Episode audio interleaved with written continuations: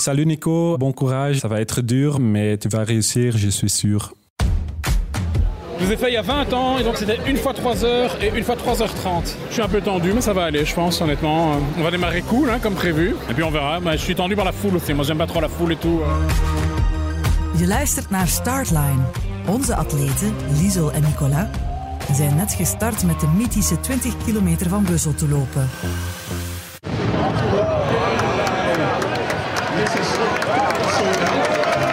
Dat tussen 40.000 andere lopers. Elk met een eigen uitdaging. In de volgende aflevering horen we het relaas van Liesel.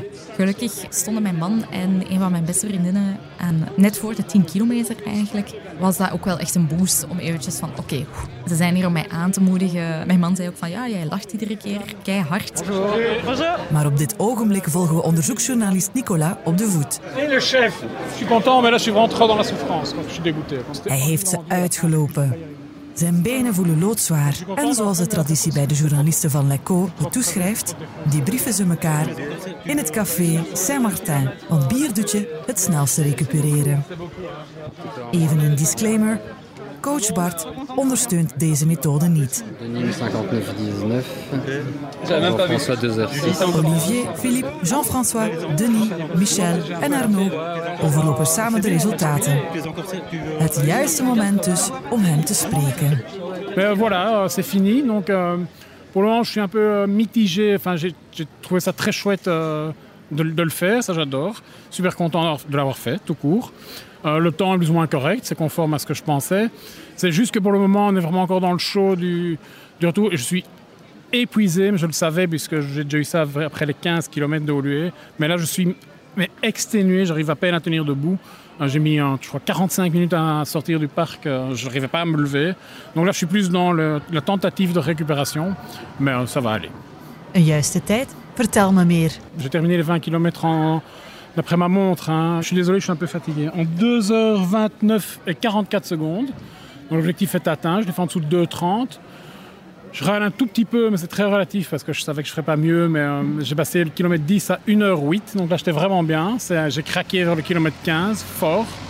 Mes jambes. euh, alors, c'est ni, mon souffle, ça je l'avais déjà dit plusieurs fois, euh, ni mes genoux qui m'ont plus ou moins foutu la paix. C'est mes jambes qui étaient super lourdes. Je savais pas que des jambes pouvaient être si lourdes. À partir du kilo- kilomètre 15, ça a été vraiment l'enfer. Donc, j'ai alterné marche et course. Je marchais aussi peu que possible parce que ça m'énerve. Mais j'ai quand même dû marcher pas mal de fois. Alors au départ, euh, c'est très enthousiasmant. Tu es là, t'attends, tout le monde est un peu chaud. As cette espèce de coup de canon. J'ai rendu du frisson en fait en partant. Donc euh, tu te rends bien compte que tu es porté euh, par une foule immense. On démarre par la rue Belliard, tu es dans le bas. Tu vois tous les gens devant toi. Enfin, tu vois que c'est bourré de monde. Het parcours start aan de voet van het Jubelpark. Dicht bij het rondpunt van Schumann, in het hart van Europa en haar instellingen. Zeggen dat er veel volk is, is een understatement. Tijdens de loop is het verkeer afgesloten en staan de straten vol met supporters, vrienden, collega's en muzikanten. Je kan jezelf niet horen denken. Je me souvenais plus ou moins que c'était une grosse ambiance. Effectivement, il y a pas mal d'ambiance.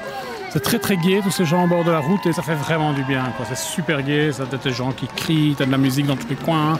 Euh, et vraiment, les derniers kilomètres, les, les- le ou les deux derniers kilomètres, euh, la foule te porte. Enfin, à la fin, il y a plein de gens. super- tu peux plus t'arrêter en fait, t'as pas le choix. hein. Tijdens de eerste kilometers beklimmen de lopers de Louisa-laan en tunnel na tunnel bereiken ze het Terkamerenbos, het midden van het parcours. Vous êtes fatigué On n'est pas fatigué Vous êtes fatigué On n'est pas fatigué Ça tombe bien, il reste plus que 12 km Euh, je me sentais très bien dans les 10 premiers kilomètres. Ça a été beaucoup plus compliqué après.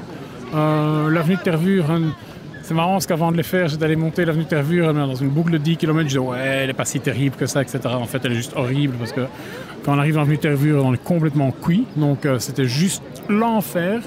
Euh, mais c'est un chouette parcours. Franchement, c'est assez agréable de voir la ville comme ça et tout. Puis j'ai beaucoup couru à Londres. J'avais encore lu ce matin les conseils. J'ai couru pas mal à Londres. J'ai beaucoup bu. Le parcours est sympa.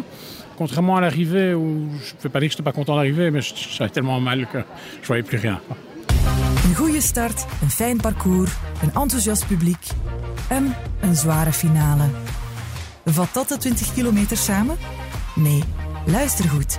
Zeker als je zelf aspirantloper bent. Het kan ook voor jou nuttig zijn. J'ai eu un petit problème, euh, il y a eu des, des- des- des soucis techniques. Donc je découvre évidemment euh, en commençant à courir l'univers des joggers, les questions que les joggers se posent et notamment que mettons comme sous-vêtements pour les courir. Donc moi, euh, j'ai fait les 20 km il y a une vingtaine d'années. Je vous passe les détails, mais j'ai eu un problème de frottement à l'entrejambe qui a dû faire que j'ai dû faire une pause à la Croix-Rouge. Donc j'étais assez tendu par rapport à ça. Depuis que je fais mon entraînement, en gros, je cours avec un short euh, de, jogging que j'ai acheté pour ça, là, quand j'avais oublié mon short, et un caleçon normal. Puis hier, je dis à ma femme qui part faire des courses, si tu me trouves des slip boxers, je prends. Vous saurez tout. hein. Et en sortant de chez moi ce matin euh, avec euh, le slip boxer, je sentais des frottements. Et comme j'ai jamais couru avec, je me suis dit c'est peut-être vraiment pas malin d'aller essayer un truc que tu n'as jamais fait. Donc j'ai fait demi-tour, j'ai enlevé mon slip, je cours euh, nu en dessous de mon short. Et ça, ça a fonctionné, mais au départ de la course, j'étais super tendu parce que je sentais les frottements et je me suis dit que ça allait me pourrir la course. Et en fait, euh, finalement, ça, ça a été. Et par contre, euh, j'ai souffert le frottement du t-shirt sur mes tétons. j'ai les tétons en sang, je suis désolé de dire ça comme ça. J'ai dû m'arrêter à la Croix-Rouge pour un dépansement, etc. C'est un grand classique, hein. je n'étais pas du tout le seul. euh. Nous étions plusieurs hommes assis côte à côte euh, à se faire mettre des bandages. Et ça, je pense que c'est parce que je me suis fait mouiller plusieurs fois. Et fro- l'eau- avec l'eau et le frottement, ça l'a pas fait du tout. Mais voilà, c'est fini. Donc, donc là, je suis plus dans la tentative de récupération. Mais ça va aller. Met dit beeld sluiten we af vandaag. Van harte gefeliciteerd Nicola. Hij haalde de eindmeet. En dat dankzij het trainingsprogramma van Mediafin Moves. En Liesel? kilometer 18, toen ik echt zoiets had van ja, whatever. Ik, ik moet gewoon water hebben. Ben ik gewoon naar iemand toegelopen. En dat meisje stond klaar met die zak eh, water. En ze zei gewoon tegen mij, dans la bouche. En ik heb gewoon mijn mond open gedaan. Bedankt om te luisteren naar Startline. Een podcast van Mediafin.